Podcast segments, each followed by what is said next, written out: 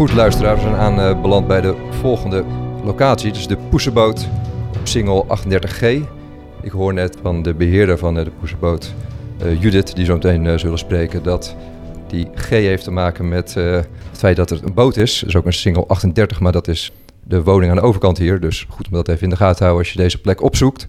Want van buitenaf zou je het niet meteen herkennen als een plek waar 30, 40 poesen binnen zijn. Nou, ik zit nu hier binnen met Judith en de katten lopen hier uh, vrij rond, klimmen, klauteren. Zie een uh, aantal uh, ja, benches waar ze ook nog in zitten. Ze kunnen naar buiten toe. Het is een grote open omgeving op deze woonark die hier aan de singel ligt. En voor mij tegenover zit, zit Judith. Judith, zou jij eerst even kunnen vertellen wie je bent en wat jouw rol is hier binnen deze bijzondere plek als het gaat om uh, Amsterdams varend cultureel erfgoed. Misschien nu even wat minder varend. Hij ligt hier al een tijdje stil waarschijnlijk. Ja, ja, de boot ligt stil. Het is een ark, dus het is geen varende boot. Ja, nee, mevrouw Verweelde is, uh, is begonnen met uh, poesenboot, zeg maar. Eerst eigenlijk bij haar thuis. Heeft een aantal katten opgevangen die weg moesten. Die heeft ze gevonden. Ook katten die ze gevonden heeft. Op een gegeven moment werd het zoveel in huis dat ze zoiets had, waar laat ik ze? En uh, ja, een huis kopen doe je even niet zo gauw, maar een boot, dat kon in die tijd vrij makkelijk. En die kon je ook vrij makkelijk op de plek neerleggen waar je hem wou hebben. Dus zij heeft ervoor gekozen om een boot te kopen en die heeft ze gewoon in de singel gelegd. En daar zijn dan de katten die zij thuis niet meer kon hebben, zijn uh, daar opgevangen. En inmiddels, toen was het wel een boot. Uh, inmiddels is het een ark geworden. Maar we liggen nog steeds op dezelfde plek als 52 jaar geleden. En uh, ja, dat is eigenlijk de start geweest. Ja, de start van deze bijzondere plek. Je zit dus al geruime tijd op, uh, op deze plek. Nou zijn er in Nederland natuurlijk een hoop verschillende kattenopvangcentra. Maar naar mij weten is de enige op een, uh, op een ark. Klopt dat, uh, Judith? Ja, ja, dit is de enigste. Even deze kat van je tas afhalen. Ja. Dit is de enigste op een boot, ja. De enigste op een boot. En wat brengt dat met zich mee qua dagelijkse werkzaamheden om rekening mee te houden? Nou, eigenlijk niet meer zo heel veel. We hadden in de beginjaren um, dat de waterleidingen verstopten, of tenminste bevroren, sorry, ik zeg het verkeerd, dat de waterleidingen bevroren. Want die komen uit de muur, uit de muur van de kade en die gaan dan naar de boot toe. En dat tussenstukje, dat was 9 van de 10 keer bevroren dat. Nou, inmiddels is die techniek allemaal zo verbeterd en bevriest dat niet meer. Dus is er eigenlijk niet zo heel veel anders. We denken sinds start in 1968 dat vele uh, katten een nieuw baasje hebben gekregen hier in Amsterdam ja, en omgeving.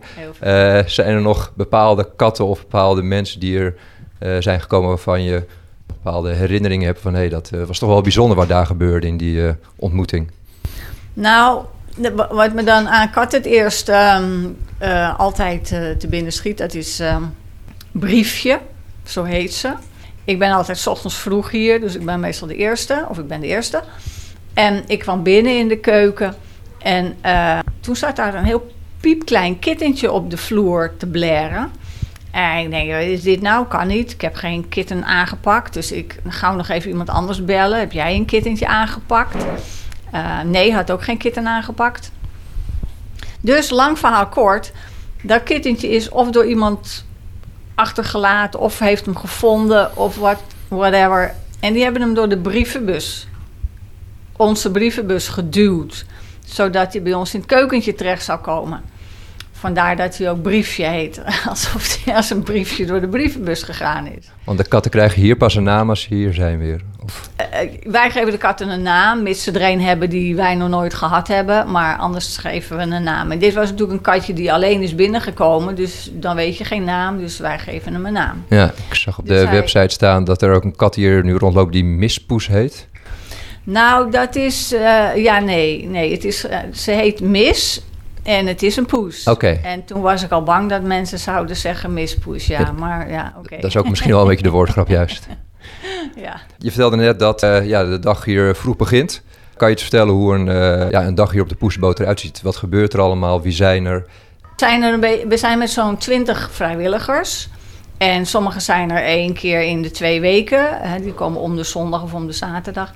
En er zijn er ook die komen iedere week uh, een dag. Uh, zelfs eentje die komt twee keer in de week een dag. Ja, we beginnen inderdaad. Ik ben vroeg inderdaad, dus ik open. Dan doe ik zeg maar het eerste rondje, noemen we dat. Dan ga ik langs alle katten, ga ik langs de kooien. De nieuwe katten zitten namelijk in de kooien. Kijken of alles goed is, niet gekotst of, of whatever, bloed of gekke dingen. Nou, en dan geef ik ze bij het eerste rondje ook allemaal wat eten. Kan ik meteen zien van eet iedereen. Als dat goed is, dan gaan we. Dan inmiddels is er alweer iemand anders binnengekomen. Kopje thee. Gaan we even overleggen van wat gaan we doen. Nou, dan gaan we met z'n allen schoonmaken. Wordt verdeeld. Uh, we hebben de quarantaine. We hebben hier. We hebben het keukentje. Uh, en dan is het de bedoeling dat we ergens om half twee klaar zijn met schoonmaken. En dan hebben we allemaal lunch. En dan uh, tussen 1 en 3 mogen de mensen komen kijken. Ja, en jullie krijgen dus ook regelmatige bezoekers hier over de vloer. Dagjes mensen, toeristen uit binnen- en buitenland. Ja, klopt. Waarom is dat? Ja, dat is, nou ja, dat is ook iets wat gegroeid is. Dat, is. dat is niet gepland. Het is niet zo van we leggen een boot neer met katten en we gaan bezoekers. Uh, nee, die bezoekers die kwamen vanzelf. En in het begin waren het gewoon allemaal Nederlanders die het leuk vonden om even te komen kijken. En mensen die een kat zochten natuurlijk. En mensen die een kat kwamen afstaan. En pas de laatste twee, drie jaar dat het internet en social media zo'n vlucht heeft genomen, komen er gewoon heel veel uh, buitenlanders. Ja, en wat zijn de reacties van de mensen die je krijgt? Ja, ze vinden het allemaal bijzonder en allemaal apart. Uh, je hebt de laatste jaren wel, de laatste twee, drie jaren, wat ik net zeg, dat het zo bekend is vanwege social media. Dat je ook een heleboel mensen hebt die niet zoveel met katten hebben.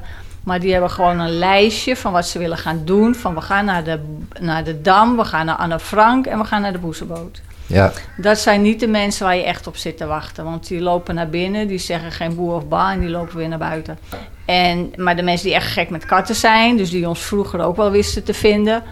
Uh, dat is leuk, want die hebben allemaal verhalen en, en, en, ja, daar ga je mee zitten babbelen. Ja. Dat is leuk. Ja, ik kan me ook indenken, want je vertelde net dat jullie volledig uh, kunnen bestaan vanuit uh, donaties. Jullie krijgen ja. geen subsidie vanuit de overheid. Ja. Uh, dat ook die bezoekers op die manier zo'n ja. inkomstenbron kunnen leveren.